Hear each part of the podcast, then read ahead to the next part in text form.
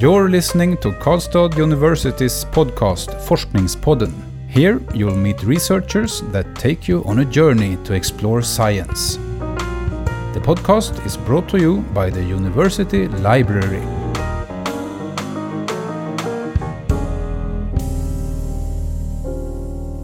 Hi and welcome to today's Forskningspodden with me, Nadia, and our guest of the day, Andrei Abajev. Hi, Andrei. Hi, Nadia. Andrei, you're a PhD student in business administration, and your research aims to understand how industrial firms organize for system change towards sustainability. And you have actually recently defended your licentiate thesis called Would We Change? Business Model Innovation Towards Sustainability Transitions, studying the wood construction industry. And first of all, Andre, I need to say I really love how you play with the title. And for your listeners who don't see it, um, Andre spelled the word wood in Would We Change with W O O D. That is very clever, I think. So, how, how did you come up with this? Well, uh, when we had this stage of writing the title, I was playing with the words. Of course, I get some inspiration from internet, but the main idea was that it should make something catchy, and I'm glad to hear that it worked well. Yeah, I think it's very catchy. um, but apart from the word wood, you have also other very important buzzwords in the title, which are, for example, innovation, sustainability, construction, and transition. So I think uh, it would be good if we could just dig a little bit deeper into your research work. Tell us what it's about. Yeah, I will try to give a kind of a background of what I'm studying. So, if we try to be more general in the beginning, our economy today is uh, kind of locked in into a very complex systems. Uh, for example, the transportation system is an example of a, a complex and networked uh, system where we have uh, involved polluting technologies. And in my research, uh, particularly, I'm studying the construction industry. So where we have such a high-rise buildings or tall buildings, and those buildings apply technologies based on reinforced concrete and steel, and those materials release a lot of CO2 emissions in the atmosphere during the extraction and during the production processes. At the same time, uh, considering the increase of human population and uh, the urbanization trends, uh, more and more people we expect to live in cities. So the city land becomes a scarce resource and the demand of high-rise buildings increases. So we need to find uh, alternative and more sustainable solutions uh, with a lower environmental footprint in building high. Uh, so we already have some global initiatives such as the 17 Sustainable Development Goals or the 2015 the Paris Agreement uh, the Glasgow Climate Pact from last year, where such as summits underline the importance and the urgency of taking more sustainable pathways and actions. So, coming back to the construction industry, the existing building technology, which is based on steel and concrete, uh, this technology has a great in engineering properties proved so, so many years, but at the same time, it has a very high environmental uh, cost. And um, this technology is well known for, as I mentioned, for a long period of time due to the, the, the established traditions in construction. The technology is embedded into other uh, complex structures such as uh, industry practices. Uh, individual network actors are heavily using it. We have also established institutions, norms, uh, and rules uh, which are kind of supporting this technology and putting the frame. Uh, we have the building codes. We have also the tacit knowledge of those actors using this technology. So uh, the problem that the industry is facing is how to decarbonize, how to lock out from this technology and become cleaner, and at the same time respond to the uh, growing uh, needs for uh, for for urban housing. How did you get into this? What is your contribution to this field? I mean, uh, what I have been focusing particularly is um, uh, alternative sustainable innovation that is uh, coming from another industry, from the forest-based industry. And this uh, sustainable innovation is currently receiving a lot of attention. It's named engineered wood, and uh, one example of this umbrella term is a cross-laminated timber. And this technology, as I mentioned, coming from uh, the forest-based industry, allows uh, to build high and minimize the use in, of environmental unfriendly materials such as concrete and steel. So uh, I study particularly how this sustainable technology can overcome the industry barriers uh, for scaling. So in order to, to shift this construction industry from uh, polluting technology to something which is more greener and cleaner, uh, we need to change across all those different areas which I mentioned before. We need to change on the level of the individual actors. We need to change on the level of the network of actors. We need to change established institutions. We need to change norms, uh, legal frames. Uh, we need to change standards and practices. We need to change knowledge. We need to gain knowledge. Uh, so uh, within this uh, uh, engineering um, wood technology case, I study particularly the critical role of, of business models for such transitions to occur. What is it you did? Well, uh, my research is focused on the theoretical aspects of this, uh, taking existing theoretical frameworks such as uh, sustainability transitions and inserting the concept of uh, business model innovations to, to understand how change can come about. So this uh, has allowed us to do more practical research and help us to understand what are the barriers for scaling sustainable technology and how those barriers can be resolved with the help of uh, a business model innovation. So this change you're talking about, you mean in how this change occurs in the different companies that are in this business or? Uh, when we talk about a system change, it's not only change on the level of the individual companies. Okay. Mm. It's a change in the entire industry, in the production and the consumption patterns. So the change come uh, on different levels, and that's the, the, the hardest part. That's that's actually the problem we found. the real problem we see here is the complexity of this uh, of, of this system. We call it a socio-technical system, and driving such a change within the system requires um, uh, efforts, individual and collective, towards this. How did you go about to get your results? Well, uh, we found that uh, the business model have slightly different roles to play depending uh, on the transition or the sustainability shift uh, in question. The role of the business model can be first to help commercialize such a technology. And we have this uh, business model role in many other industries. But at the same time, the business model is the innovation itself. So the business model can be both subject and a source of innovation. It is also part of a, a larger um, innovation space together with other innovation types, such as a, a product or a process or a positioning innovation. So the synergy between these different types is very important for scaling uh, sustainable technology and overcoming the barriers of change. And what are your most important results?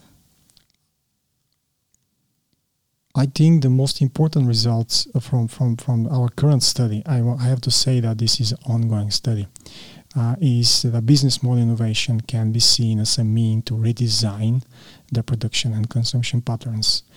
It become a powerful mechanism for change and uh, very often we overlook uh, business models. We sometimes have too much focus on new technologies, both within the public and the private sector.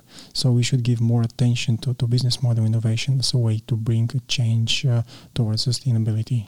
We were already talking a little bit um, about the results, but but could you elaborate a little bit more uh, and give some examples?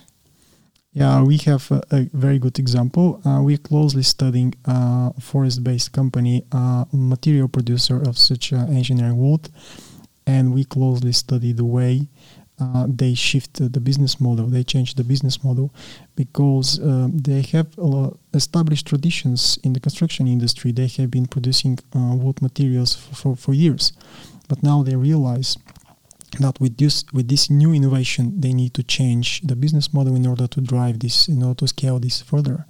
And this was first uh, internally uh, uh, organizational change uh, but this change also scaled beyond the company.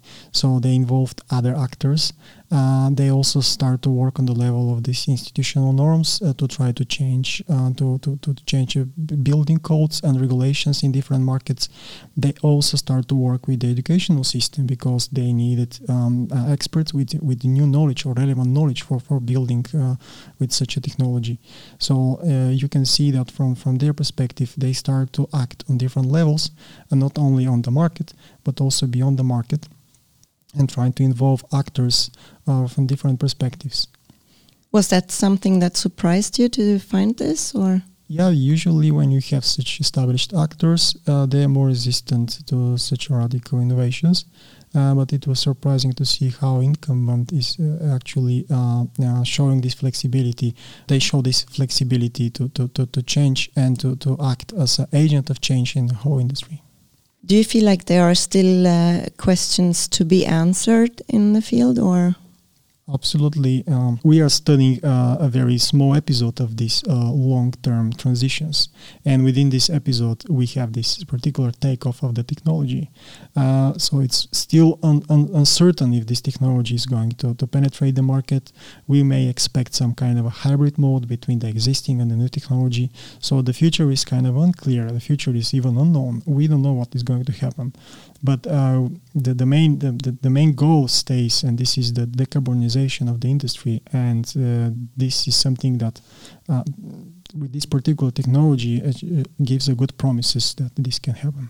Okay, what are the biggest obstacles that this can't be followed through? I can I can uh, formulate it as inertia. We have uh, inertia from the from the established way of, of, of doing things and this inertia is on multiple levels. Uh, we have in the value chain, we have different actors involved in, uh, in, in such construction projects, and they have already established practices. And this this inertia and uh, call it path dependency, uh, which means that their previous uh, actions determine their future behavior. It's very heavy, and uh, the industry itself is quite conservative uh, the new ideas and uh, new innovations are happening very slowly. Uh, and there are reasons for this because safety and security should be first, and everything should be checked and should be legalized. And we cannot improvise with the with the safety and security of, of the people. Uh, but uh, uh, this is actually one of the main barriers which we face.